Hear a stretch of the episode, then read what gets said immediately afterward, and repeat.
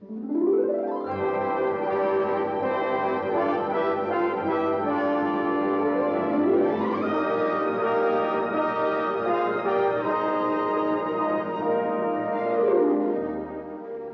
briefly review, the major portions of the Apollo spacecraft are the launch escape subsystem, the boost protective cover, the command module, the service module, and the spacecraft adapter, which carries the LEM or Lunar Excursion Module.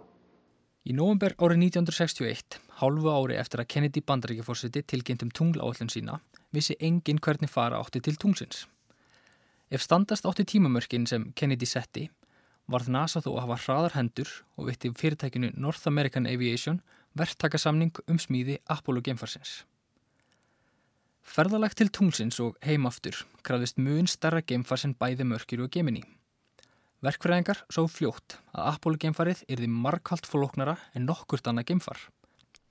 Það varð að hafa eldflögarheifil til að komast á brautum tunglið, stýriflögar til að breyta afstöðu sín í geimnum, glugga til að horfa útum og geta staðist hraðflegar geimörður. Það var líka að hafa stóran hitaskjöld til að þóla fallið í gegnum lofthjúbjarðar og stærstu falli var sem nokkuð tíman hefði verið saumaðar til að tryggja mjúka lendingu. Um borð þurftu að vera vistarverur geimfarana geimsla fyrir mat og búnaður til að losa úrgang. Í raun átti Apollo-geimfarið að vera pínlítið hús, fært um að halda þremur mönnum á lífi í alltaf tvær vikur í lengsta og hættilegasta ferðalagi sem mannkinnið hafi nokkur sinni lagt upp í, ferðalæginu frá jörðinni til tungsins.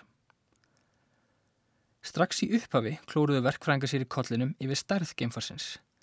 Því starra sem geimfari er, því erfiðara er að koma því heim til jarðar aftur. Síðila árs 1962 þegar NASA ákvað loks að nota aðferð John Hubolts til að heimsækja mánan að tengja saman tvö geimfar á brautumjörðin og tunglið fekk slust á þessu vandamáli. Ekki var lengur þörf á að snúa aftur til jarðar með geimfarið í heilu lægi svo ákveði var að skipta Apollo geimfarin í tvent í stjórnfar annarsvegar og þjónustu eða byrðarfar hinsvegar. Stjórnfarið var keilulaga eins og Merkuri og Gemini geimfarin en rúmlega þrýr metrar á hæð mest hæpir fjórir metrar á breytt og vó rúm 5 tonn. Rýmið var heldur lítið, aðeins rétt rúmlega 6 fermetrar. Það tók því alltaf langan tíma að komast inn og út úr farinu, sérstaklega fyrir geimskott þegar geimfarnir klættu skeimbúningum sínum. Efst á stjórnfarinu var svo búnaðar til að tengjast tunglferinni og lúa til að komast inn í hana. Stjórnfarið satt fast ofan á þjónustufarinu sem var nokkurt neðin eins og tengjavak stjórnfarsins. Stjórnfarið og þjónustufarið voru först saman alla leið til tunglsins en nokkru mínundum fyrir heimkomu var stjórnfarið losað frá þjónustufarinu. Aðeins stjórnfarið snýri því aftur til jarðar að lokinni tunglferð. Þjónustufarið var sívalengslaga, rúmur 7 metrar á lengt, tæpir 4 metrar á breytt og vó um 25 tonn. Neðst á því var eldflögurheifillin sem geimfærinir ræstu í tvígang, annars vegar til að hemla og fara brautum tunglið og hins vegar til að koma sér burt frá tunglinu aftur. Í þjónustufarinu var allur sá búnað sem áhöfnin þurfti til að halda lífi á meðan geimferð stóð. Á því voru stýriflögar, eldsneitistankar, súremnistankar og vélinn sjálf.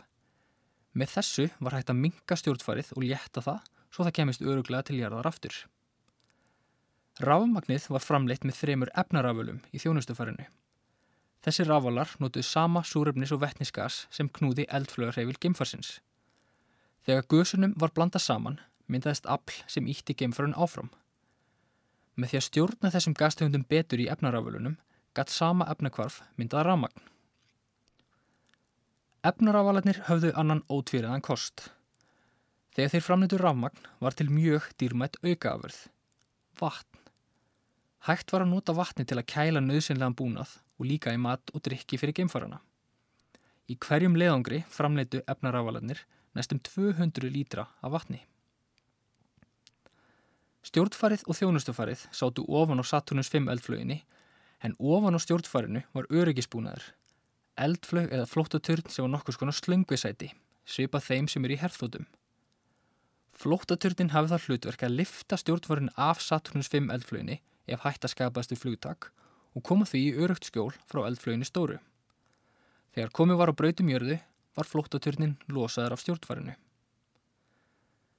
Í nóvember árið 1965 var þessi öryggisbúnaður prófaður í fyrsta sinn. Eftir líking af Apollo-geimfari var það komið fyrir ofan á lítilli eldflug. Í um 30 km hæð átti flóttaturnin að lifta Apollo-geimfarinu af eldfluginni og koma því í öruga fjarlægð. Þetta próf hefnaðist fullkomlega, en fyrir slisni. Við flugtak tók eldflugin að snúast svo að endanum sprakk hún. En rétt áður en það gerðist tók flóttaturnin við og lifti geimfarinu frá eldflöginni og bjargaði þannig stjórnfarinu. Fyrsta mannaða geimferð Apollo geimfarsins var fyrirhugð þann 21. februar ára 1967 með þá Gus Grissom, Ed White og nýliðan Roger Chaffee í Apollo 1. Innan við mánuði fyrir geimskott þann 27. janúar 1967 og meðan hefbundnar prófanir stóði yfir var þeins var mesti harmleikur Apollo-verkefnumsins sem kostaði geimfarna þrjá lífið og setti alla tungláalluna úr skorðum. Það væri lígi að segja að ferðarleti tungsins hafi verið aðeins ánæg en einn. Það var ekki aðeins erfitt fyrir þrjá menn að dvelja saman í örlillu rými í tæplega tvær vikur, heldur var eitt við lífið í geimnum sem geimfarnir þóldu ekki. Að fara á klósettið. Reyndar eru ígjör að segja að geimfarnir hafi farið á klósettið. Það var nefnilega ekkert klósett í Apollo geimförunum. En hvernig fóru geimfarnir þá að því að kasta af sér vatni og ganga örna sinna? Úrgangur var eitt stærsta vandamálið sem leysa þurfti. Þegar Apollo geimfarið var hannað var ekki til neitt sem heitir Game Closet. Fyrsta Game Closetið fór ekki út í geimin fyrir árið 1973 í Skylab geimstuð bandarækjumanna. Auk þess var Apollo geimfarið allt of lítið fyrir slíkan búnað. Þessi stað urðu tungfararnir að sætta sig við í tvær vikur að nota sama kerfi og var þróað fyrir geminni-geimfæriðnar, slungur og póka. Í Apollo-geimfærinu var ekki hægt að fara afsýðis og geimfærunum fannst oft erfitt að aðtapna sig fyrir framann félaga sína. Það versta var þó þingdarleysið. Í þingdarleysinu svífur nefnilega allt, bókstaflega allt. Til að kasta af sig vatni fekk hver geimfæri útlutað gummiði, nokkus konar smokki með opum á bóðum endum. Annað opi var fest á tippið en hitt á hólk með lóku sem var fastu við póka sem sapnaði þvæginu. Sapnpókin gæti tekið við um það byrj 1,2 lítrum á þvægi en af hreinlætis ástæðum fekk hver geimfari sinn eigin þápóka. Þegar geimfarin hafði lokið sér af var hólknum lokað og gummið tekið af en pókin síðan tengdur við aðra slöngu sem först varði loku eða vendil í stjórnklefanum. Með því að íta á eitt takka var þvæginu dælt úr pókanum út í geiminn. Þegar þvægið kom út í geiminn, fröst það og myndaði ískristalla sem glitruðu fallega í sólskinninu. Þegar eitt geimfari var spurður því hvað væri það fallegasta sem hann hefði síð í geiminum, svaraði hann þvægurlósun við sólsetur. En verra var að gera numur tvö, en til þess þurfti að nota plastpoka. Geimfari lagði poka einfallega upp á rassinum, limdi hann á raskinnanar með lími sem var á pokanum og gekk örna sinna. Gemfarinn skyndi sig síðan með klósetpapír, setti svo papirinn í pókan en áður en hann lokaði pókanum var þann að setja sóttrensi efni ofan í til að draga úr bakteríuvexti og hnoða það við, að sjálfsögðu utanfrá. Síðan var sörpókunum lokað, hann settur ofan í annan póka og síðan komið haganlega fyrir í kælugeimslu í gemfarinu. Það var nefnilega ekki hægt að opna gluggan eða fleia pókunum út. Þegar heim til jarðar var komið, grannskuðuðu læknar og næringafræðinga saurinn. Hvert einasta síni var viktað og skrásett og má meira segja finna allar tölunar á vefsíðu NASA ef svo ólíklega vill til að einhver hafi áhuga. Þetta var gert til að kanna hvaða áhrif þingdaleysið hefði á meldinguna. Að ganga örna sinna gætt tekið upp undir klukkustund sem var önnur ástæða fyrir því að gemfariðnir reynda að fresta því eins lengi og mögulegt var. Til að draga úr þörfin á að kúka á meðan tunglferð stóð borðuðu gemfariðnir mat sem var búin til með það fyrir augum að skila eins litlum úrgangi og mögulegt var. Tveimur vikum fyrir gameskott byrjuð þeir á slíku mataræði. En hvað var á matseli gamefarana? Áður en menn fór út í geiminni fyrsta sinn, óttuðust sumir að geimfari geti kapnað við það eitt að reyna að kingja mat í þingdalessi. Ímsir óttuðust líka að menn gætu ekki meldt mat eðlilega. Ekki bætti heldur úr skák að geimfurinn og geimferðirnar settu mikla skorður á mataræði geimfarana. Einni efust margir um að hægt væri að útbúa góðan mat fyrir langar mannaðar geimferðir. Í fyrstu fekk geimmaturinn ekki háa engun hjá geimfurunum. Maturinn þurfti að sjálfsögðu ekki að vera verðugu missilinstjörnu, heldur aðeins að halda geimfurunum á lífi og við góða heilsu, bæði líkamlega og andlega. Í mörkuri og gemini leðingurunum var maturinn aðalega fingramatur og maukaður matur í nokkurs konar tankremstúpum sem menn kristu beint upp í sig. Þetta dugði ágætla í stuttum geimferðum en þegar leiðangrarnir urðu lengri var þins vegar að huga mun betur að næringagildi matarins en um leið takmarka þingd og rúmál hans. Ekki mátti heldur taka of langan tíma og vera of erfitt að framreiða matinn. Þingdin var helsta vandamáli við matinn. Frá því að geimferðir hófust hafði NASA alltaf mestur ágjörðu því að draga sem frekast var úr þingd geimfarsins. Ástæðinu svo að því minni þingd sem flytið þar út í geiminn, þeimun minna eldsniti þarf til að komast ángað. Létta þurfti allt eins og frekast var und og var maturinn þar ekki undanskilin. Einfaldasta leiðin til að draga úr þingd matarins var að fjarlæga vatni úr honum. Um það byrj 80% af þingd ferskra matvala er enda vatn, svo með því að fjarlæga það mátti draga verulega úr þingd fæðunar. Vatn var fjarlægt úr matnum með því að frosturka hann, því svo aðferð varðveitti vel bæði gæði fæðunar, lit, áferð, bragð og næringagildi. Fyrst var maturinn hraðfristur, síðan settur frosín í loftæmi, en við það þurguvaði ísinn þar að segja breytist beint úr förstu form í gas. Matnum var síðan komið fyrir í lofthæmdum umbúðum. Þurkaður matur hafði langt geimsluþól og var mjög léttur. Í Apollo geimfarinu var svo hægt að dæla heituða köldu vatni sem var einmitt auka afurð rámagsframleyslu efnaravalana úr lítilli vassbissu í gegnum lítið op á lofthæmdu plastbókunum. Pókin var síðan opnaður og maturinn borðaði með skeið. Hver Apollo-leðangur hafði mismunandi markmið og því ákvaðu næringafræðingar hvaða fæða er því bóði út frá þörf hver skimfara. Þannig var ekki það sama bóðstölunum á leiðinni til tunglsins og á tunglinu, því í tunglferðinu var ekki heitt vatn. Fyrir geimferð fengu geimferðinar að smakka allt það sem í bóði var og fengu svo að velja úr það sem þeim þótti best. Síðan útbyggu næringafræðingarna að matseðil fyrir hvert dag til að tryggja geimferðinir fengju alla nöðsynlega næringu. Geimferðunum var einni kent að geima mat, útbúa hann og ganga frá matarleifum og rusli. Geimferðinir fengu þrjár máltíður á dag, morgunverð, hátegisverð og kvöldverð.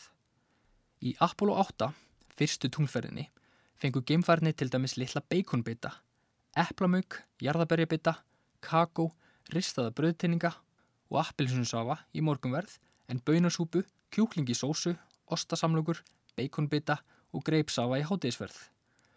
Í kvöldverð fengu þeir rækukoktel í forrétt, kjötkássu í aðalrétt og ristaða kanilbröðbita og döðluköku í eftirrétt. Þessu skóluð þeir niður með appilsinu og greipsafa. Stundum fengu þessi líka kaffi. Í leðangri Apollo 8 var í fyrsta sinn prófið nýtegund matar sem ekki var frostþurkaður heldur venjulegu mati sem hafi verið sóttrensaður og hitaður en síðan lokað í álpókum. Þótt þannig matur var í mun þingri en frostþurkaði maturinn þá var hann bræðbetri og NASA var reyðubúið að létta mönnum lífið með slíkum matarpökkum. Á jóladag árið 1968, þegar Apollo 8 helt heim frá tunglinu, nutu geimfariðnir jólamáltíðar sem samastóð af kalkunni með fylling og sósu sem hafi verið komið fyrir um borð án þeirrar vitundar. Dík Sleiton, yfirmæður þeirra, hafði einnig smiklað örlillu koniaki með sem þeir ákváðu þó að drekka ekki. Allur maturinn var annarkvort borðaður sem þurr fingramatur eða bleittur þurrkaðamatur. Meiri sé að drikkirnir voru á duftformi og blandaður við vatn. Ávakstadrykkurinn Tang var fundin upp áður en menn fór út í geimin en eftir að John Glenn tók nokkur bref með sér út í geimin tengdu margir drikkin við geimferðir sem minni mig á aðra flökkusögum geimferðir. NASA varði ekki miljónum dollara í útbúa penna sem gætt skrifaði geimnum á meðan sovjetmenn notuði blíjant. Enga aðili fann upp geimpennan og bæði NASA og sovjetmenn notuði hann eftir það. En aftur á matnum. Í hverjum leðangri var nýr matur prófaður. Maturinn var því smám saman fjölbrettari og gæðinum leið meiri. Þrátt fyrir miklar framfarir í framreiðslu geimmatar borðuðu fæstir geimfarar allan matinn sinn. Flestir komu léttari heim eftir tunglferðir, ekki aðeins vegna þess að maturinn var ekki eins og besturur á kosið, heldur þótti þeim óþægilegt að ganga örna sinna og borðuðu þess vegna minna. Þegar þjálfun geimfara hófst vissi engin hvernig búa átti til búningana sem gerði geimfara kleift að lifa af í tómarúmi geimsins. Menn þurfa súrumni til að anda og loftþrýsting til að koma í veg fyrir að blóðið og aðrir vögvar líkamanns sjóði og breytist í gas. Það var vandasamt verk að útbúa búning sem átti að vera nógu sterkur til að viðhalda loftþrýstingi og þóla hitasöflur frá 150 steg frost í skugga upp í meira en 100 steg hita í sól en vera samt nógu sveiginlegur til að geimfarar getur hrift sig auðveldlega. Skömmu eftir að Apollo geimállunum var til, auglisti NASA eftir fyrirtækjum til að þróa búningin sem geimfarar áttu að nota í tunglgöngu. Flest þeirra fyrirtækja sem buði í verkið voru þekkt úr teknikerunum en eitt fyrirtæki skar sig úr. International Latex Corporation, eða ELC í Delaware, var lítið fyrirtæki sem sérhæði sig í sveiginlum flíkum og var þekktast fyrir að framleiða Playtex brjóstahaldara og magabelti. Fæstir höfðu trú á brjóstahaldara framleiðandunum en eitt hafði hann þó fram yfir hinn fyrirtækin. ELC vissi miklu minna um geimin en keppinveitarnir en hafðu mun meiri reynsla af því að sauma sveiginlegan fatnað og plastefni sem hreyðust með líkamannum. NASA samdi við ELC en fekk annað fyrirtæki, verkfræði fyrirtækið Hamilton Standard, til að hafa yfirumsjón með þróun búningsins. Fyrirtækinn tvö voru mjög ólík sem allir töluverðum núningi millið þeirra. Svo miklum raunar að þróun búningsins gekk hægt og illa og svo illa að NASA rifti samningnum við fyrirtækinn árið 1964. Vorið 1965 var annað útbóð haldið og sendu bæði ELC og Hamilton Standard afturinn til lögur. Svo fór að NASA ákvaða að veita ELC samning um að framleiða geimbúningin án aðkoma Hamilton Standard sem fekk þó það verkefni að smíða bakpókan. Hjá ELC störfuðu framúrskarandi saumakonur sem semiðu buksur fyrir börn og brjóstahaldara einn daginn en áttu næsta dag að seima búninga fyrir menn sem myndu ganga á tunglinu. Yfirmaður saumakonnuna var fyrirvarandi sjómasviðgeramaður og framkvæmdastjórin starfið áður við að selja saumavílar. Að þróa og sauma geimbúning var vandasamara verk en þau höfðu fengið að kynast áður. Hver einasti saumur var grannskoðaður en það skipti hvert einasta smátriði máli. Ef nál glemdist í einu efnislægi, gatt hún valdi stórslýsi. Til að draga úr líkum að því fengu saumakonundan nálar í mismunandi litum svo hægt yrði að rekja hverja nál til hverja saumakonu. Hjá Hamilton Standard unum menn að þróun öndunar og kælibúnaðarins. Einn helsta áskorunin var að halda þingt hans í lámarki en súrumnismagni í hámarki. Lausnin á því vandamáli var nokkuð snjöll. Þegar við öndum frá okkur, gefum við frá okkur súrumni og koldioksíð. Í bakpókanum var búnaðar sem fjarlæði koldioksíðið frá súrumninu svo nota mátti sama súrumnið aftur og aftur. Hamilton Standard sá líka um að leysa vandamálinn við úrgang frá geimfara við tunglgangu. Engveit meginn þurfti geimfararnir að geta kasta á sér vatni og jafnvel gengið örna sinn á tunglinu. Þetta var skýtaverk sem verkfræðingarnir urða að leysa sómasamlega. Lausnin var svipuð og í stjórnfari Apollo geimfarsins. Geimfarin festi á sér smokk sem tengdist við slöngu sem liti ofin í plastboka sem gætt borið 1 lítra að þvægi. Geimfarin gætt því pissað beint í pokan. Upphaflega komu smokkarnir í þremur stærðum, litlir, meðal og stórir, en fáir geimfarar gáttu sætt sig við annað en stóra. NASA breytti því nöfnum smokkana í stórir, risavaksnir og tröllleiknir. Til að ganga örna sinna varð geimfarin einfallega að nota bleiu.